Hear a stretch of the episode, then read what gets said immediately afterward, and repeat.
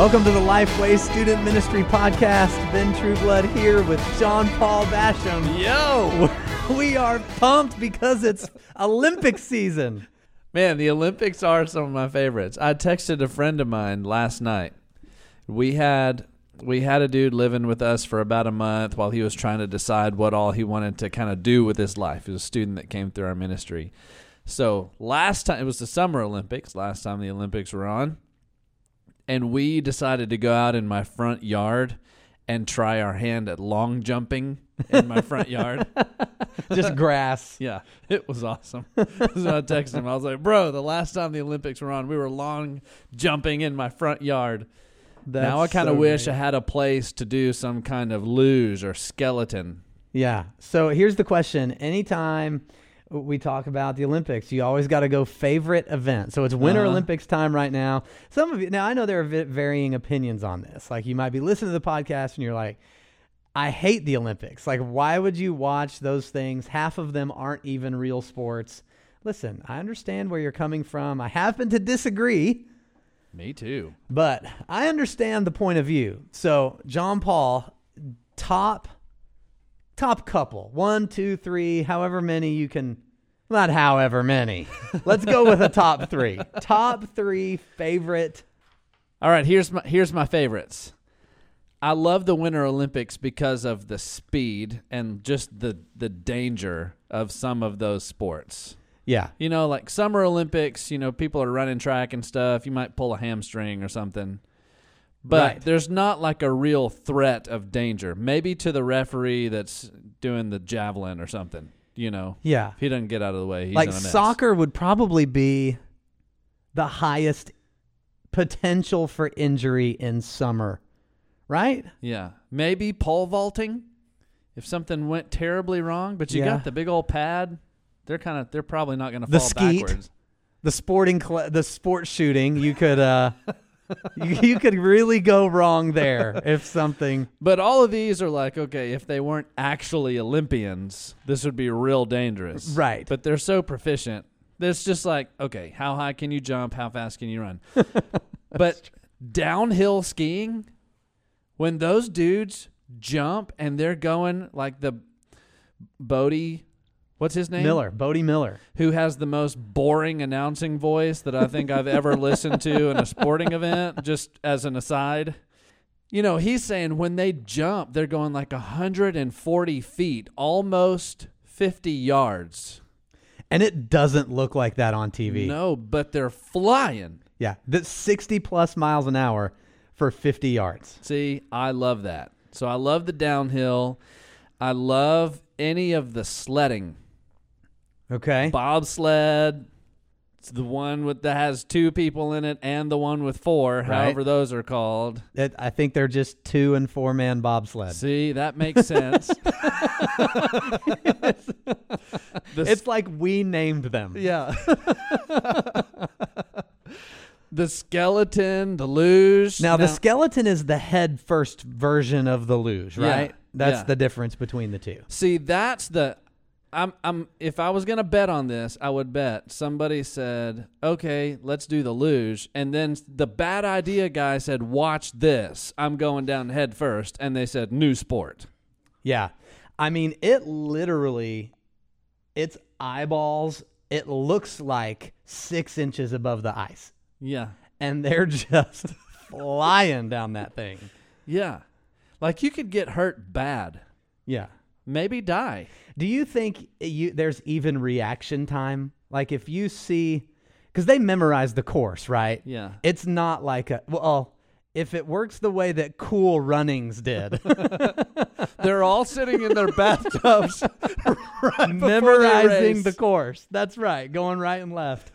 Because you're going, what, like 60, 70 miles an hour on that thing, and your face is right above the ice tube. Yeah. Would you try it? Heck yeah.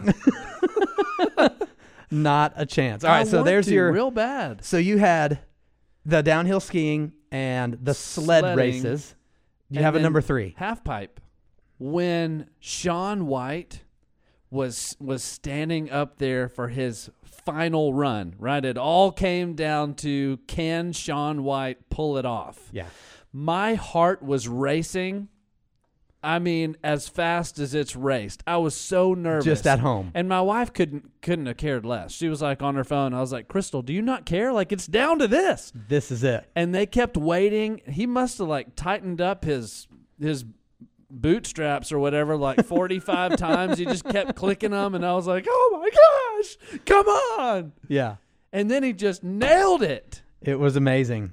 That was a moment for sure. And I think that's a moment that, like, you know, you have the game winning buzzer beater in other sports, and you have, you know, down three games to O and coming back and winning it or whatever.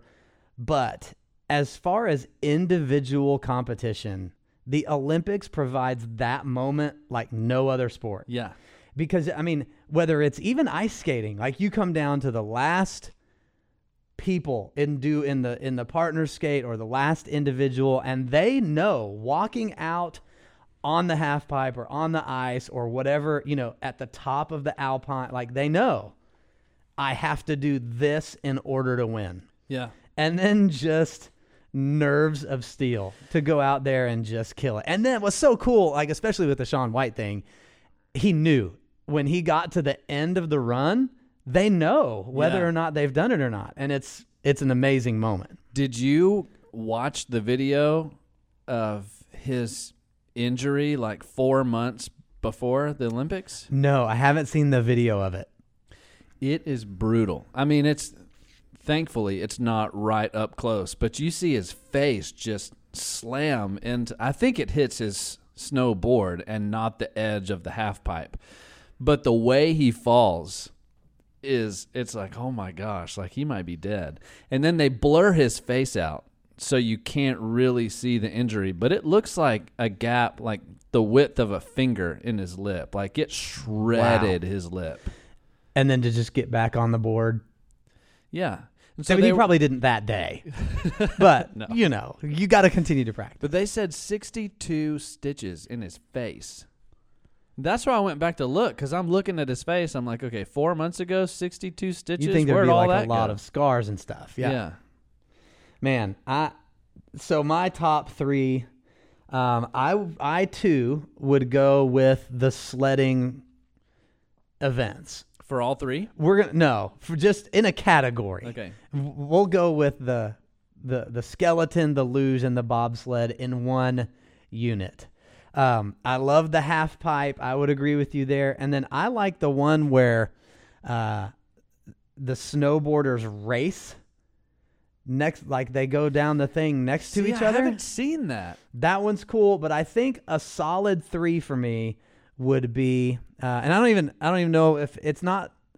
I don't think it's called just the slalom, but it's the uh, nope, no, no, no. It's the moguls with the jumps. So whatever that's oh, called Oh. in the skiing, like That's a good one. freestyle or, but you've got the moguls, you know, the legs together like back and forth a lot, Yeah. and then the jumps that are in the middle of it. That would be my solid three. All right, so I have a question. In the sledding events, Yes. which would be your favorite? The four man bobsled, Okay. the two man bobsled, the skeleton, the luge, or would you go with the double luge? Now, are we talking for me to participate in or just what I would enjoy watching the most? Your favorite of the sledding events? Okay. I think I'm going to have to go four man bobsled. Now, the skeleton is amazing. The team aspect of it and all four people starting and jumping in at the same time. I love I love that component. I have to say that the two man luge makes me uncomfortable. it should. It should make them uncomfortable too. if you don't know what the two man luge is, you need to Google pictures of two man luge. Here's my question about the dual luge. You have the luge, which is one person, Uh huh. and they do all of the activities. They do the start, they do the hand paddle with the special gloves, they steer the sled. Yeah. What is the guy on top doing? I don't know. what is his function? It, he's what does he do? I don't know. like know. in the bobsled, you know, once the back people jump in, in like the ladies and the men's bobsled, once they jump in, their job is over. But they have to push the thing, like they have a task. yeah. Shout out to Chip Minton, former U.S. Chip. bobsledder and friend of ours, member of Team Impact. So he's a stud. Yeah. Now, so like they have a role. I don't know what the top person in the double luge does. Yeah, because the luge sled is not heavy. No, It's maybe not- that's it. Maybe it's more weight so you get more speed. Maybe so. But wouldn't you hate to be the guy? I mean, the guy on top. My only job is to get this thing going faster, and then I just have to lay on top of another guy for a for the whole ride. Yeah. And trust him to steer it well. Somebody should have said, "Nah, it's just not worth it." Yeah. But if you were going to be in the Olympics, maybe the fast track to get there is to be top luge the dude. top of the dual luge. because like you don't have to skate, you don't have to pilot, you don't have to do cross country, you don't have to ski, you don't have to do any of that stuff. You just dead fish on top of the pilot. That's when when every country's like Olympic committee comes together and they've got this guy they all feel sorry for and they really want him to be able to participate because he's got a great personality. you know, you know what you could do. That's right. You could be the top layer of a dual luge team. Come on over, Steve. Let's get this thing knocked out. What do I have to do, coach? Well, you just have to lay on this guy while you go down this slide. So at this point, you might be wondering, we're several minutes into this thing and hadn't talked about student ministry yet. But there is a connection. So as we begin uh, to dive into the Olympics and student ministry connection portion of this podcast, tweet us, let us know what your favorite Winter Olympic sport is. And we, w- we would love to find out. And as always, uh, carry the conversation outside the podcast. You can reach us at Ben Trueblood, at John Paul Basham. If you can, take a second, leave a rating and review when you get done with this podcast. We'd love to hear from you. And while you're there, hit the subscribe button. So, one of the things that uh, I think is amazing about the Olympics, when we think about the United States specifically, and please know, this is not going to be like a USA is the greatest type of podcast. You know, we'll let the medals speak for themselves at the end of the thing. So, but here's one thing that I was talking to my kids about the other night. So, I have uh, an 11 year old and a nine year old. We're watching the Olympics. And one of the things that I pointed out to them, because they have a ton of questions, because this really is the first Olympics that winter wise that they're paying attention and they, they don't remember the last one.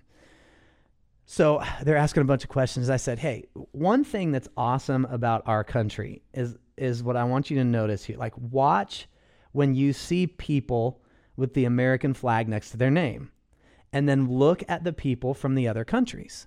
One of the things that you're going to notice is like the vast majority of people from other countries are all going to look very similar. The Germans are going to look very similar. The Swedes are going to look very similar. Like Yeah. all of these countries' people look like people from their country. Uh, and you're thinking, duh. Well, that's not a bad thing. but here's what I think is amazing about our country is that you look at the people that have the flag next to the United States flag next to them, and they literally are people from all, over, the, world. Yeah. It is, it truly is diversity in a snapshot. Like that, and that's amazing to see. And it's something that's so great about our country. Um, there, there, there are people from all over the place who have come to the United States and and are proud to compete for the United States, but also have heritage and culture from other places. And I think that's a unique thing to the United States. And I wanted to make sure that my kids at young ages embrace that reality because the beauty in that is not something that is always celebrated or taken care of Yeah. in our country, especially in this moment. Yeah. And it's such a cool conversation to have in student ministry because we know one day that we will, with people from every nation, worship together before the throne of God. And that's what the body of Christ is going to look like. It's going to look like people from every nation, every tribe, every tongue Yeah. unified under the banner of Christ. Yeah. It it's really it is really cool to see them to see them marching in. Yeah, and and that banner is so much greater than the banner that this group of people unites under. And and so if you're thinking in your student ministry, like how can I use what's happening right now in our culture to to relate a, and teach a spiritual principle? Like that's perfect. And the unity that exists among that group of very diverse people is powerful. And that's what we're called to as believers Yeah. to unite under the banner of what Jesus has done for us and the Holy Spirit living in our lives. And in a culture where racism is still alive and well, your teenagers need to understand that they have a voice in that conversation, a very loud voice. And that if they catch a glimpse in their youth about what beautiful diversity means because of the gospel, then this is a generation that really could change things in regards to the race conversation Yeah. Eh, that's going on in our culture right now. Man, it makes me think of, and you know, there's all kinds of people all over the interwebs talking about why this happened and was this a, a political, you know, decree or was this really d- the decision of the Korean athletes? But the way that the North Korean athletes and the South Korean athletes walked into the opening ceremony together, I don't. Did you see? There was um a couple of reporters. I don't remember where were they where they were from, but they got to go out to the demilitarized zone. It's the border of North Korea and South Korea, and they did you see that where they they filmed literally a little twenty second news report right between right in the middle of the road that is the border.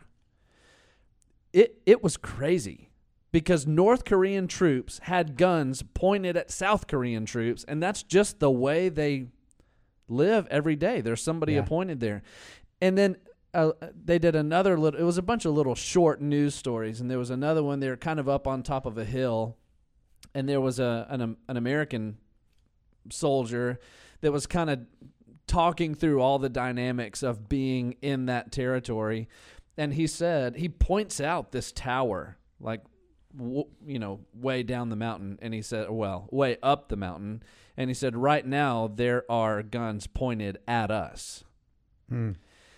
and so then to see, you know, there's so much tension right there at that border. And we know there's so much tension in that country. Yeah.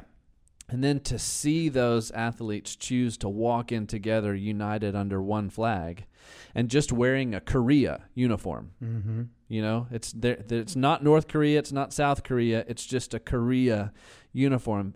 They are unified in sport Yeah. which is a cool thing.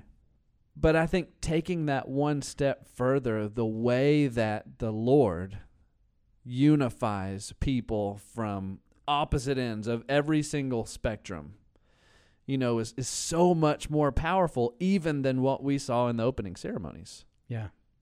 So why do you think sport? So even people who uh, who have racism in, in their in their thoughts, who are race, racist, who have a racist bent to them, like even pe- they would cheer for a sporting activity with people that they would be racist against. You see that happen all the time, right? yeah. So somebody will cheer for a team and at the same time be racist against whatever group of people they, they are choosing to be racist against who are represented on that team. The same thing can happen in the Olympics because of the diversity. We celebrate a person, but then we're going to be racist in another environment. What do you think it is about sport that makes people, I don't know, maybe for a moment look past some of the ignorances of Yeah. racist thought? I think a lot of it just comes down to finding something that that we're pushing the same direction for in common. Yeah. So we have this sport in common, we have this love of competition in common. You know, we have the it's not the most spiritual example, but we have a hate for the other team in common. You know. Yeah. Um, but those commonalities and that common goal of achieving and and finding success in that same arena brings people together. Yeah. It it does bring people together and I think the challenge in student ministry and the challenge really more broadly than that for the church both local and capital C church us as believers the challenge for us is that as we live in this world where division among peoples is a very real thing man, maybe it's time for for us as believers beyond sport to be the thing that brings people together. Yeah. And that's something that you as a student ministry leader can instill in the hearts and minds because of the gospel in that they live that way. You can instill that into their hearts and minds. Yeah. And uh, for a lot, the, the older generations, yes, people can change and people can adjust the way they think because of, of Jesus in their life. My opinion is by and large, the older generations are not going to be the ones to do this. It's the Right. people that are sitting in your student ministries every week. Yeah. They're the ones. And this is a conversation that you can have right now in this moment because it's front and center. The picture of diversity and I mean you talked about it earlier with the picture of heaven being people all tribes and all tongues like that it's a small snapshot of that.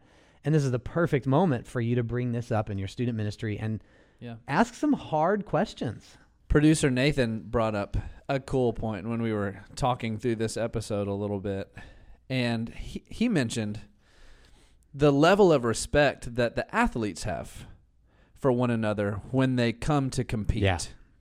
And there's this there there is if you have if you've ever been involved in competition at a at a high level, you know when everybody comes to the field or the court or the arena, whatever it is, to compete at a high level, you have a, a certain level of respect that everybody else that's there with you has achieved this um, certain level of skill that's earned them a place there. Yeah. And so nobody's over there. Well, there might be a few super arrogant ones that are that are looking across the court saying, "Ah, there's a bunch of punks over there." but just in general, there is a, a high level of respect and revere for one another Yeah. that brings some of that unity even among the athletes. And something that Nathan kind of brought out in conversation and that we thought was really cool is that we even more so should have a level of unity among each other as believers because where those guys find unity in the fact that they achieved the same level of success, Yeah. we have unity in the fact that none of us earned our place in the kingdom. Yeah. So it's like where pride and arrogance can stand in the way uh, in the right moment, even in sports, even at that Olympic level, we don't have any excuse. There's nothing that should stand in the way because it's all about what the Lord did for us, not about what we've done. Yeah, that's true. In the same way, the Olympics really are the ultimate celebration of the ultimate effort and ultimate achievement. And the Christian life is just the opposite of that. It's the ultimate celebration of one person's ultimate achievement for all of us Yeah. and the camaraderie that that that that should bring when we see each other through those eyes. It's the Christian life is not about out achieving someone else. It's about partnering together and living under the achievement of of Jesus Yeah. And realizing that all people are created in his image. That's where that respect comes like we're all cut from that same from that same cloth so to speak. And so the respect and the honor that should come alongside that can really change a person's view of Yeah. not only their own Christian life, but how their own Christian life should impact and influence the lives of others. So I would challenge student pastors not only to hear that as something to inject into conversation with your students, but also hear this for yourself as you maybe struggle with whether or not you're going to partner with other student ministries in your city or whether or not you're going to break down the, the silos that are between you and the kids ministry or you and your college ministry or you and uh, whatever other ministry area in your church. Um, allow that unity under Christ to affect everything about you and your ministry. And don't let it just be something that you preach to your kids. It's a good word. Because sometimes as leaders, we we can be the first ones to do the opposite of that. Yeah. Speak it and then go back to being the ones who maybe don't want to have the camaraderie and I mean that can go down to the simplest things like you mentioned, partnering with other student ministries in your area, giving away ministry to volunteer leaders so that you're not the knight in shining armor or shining luge coming in to save the day, you know, like that is a position that a lot of, of student ministry leaders and leaders in general, I think, deal with is they want to be the ones to save the day. Mm-hmm. But everybody the wants to be the bottom man on the double luge. That's, Nobody's willing. They to want to to drive. Guy. That's right. They want to. They want to drive. But so much of of ministry and leadership is giving away and having and having the camaraderie and respect to be able to say, "Hey, this is a us thing, not this is a me thing." And that you you could take that even to another degree and say that's why you should be giving students in your ministry leadership opportunities. Yeah, because it's not good. your ministry. Yep. Like this is an us thing, not just a me thing. I hope you have enjoyed the Winter Olympics episode of the Lifeway Student Ministry podcast. As we said earlier, head over, leave a rating and review on iTunes. It helps people find this content as well. And we love spending every single week with you talking student ministry and some things maybe a little outside student ministry. But the main purpose is to come alongside you and help you, encourage you, maybe challenge you along the way to be the best student ministry leaders that you can be. What you do really matters, lives are being changed, and we think that's really awesome. So have a great day. We'll see you next time.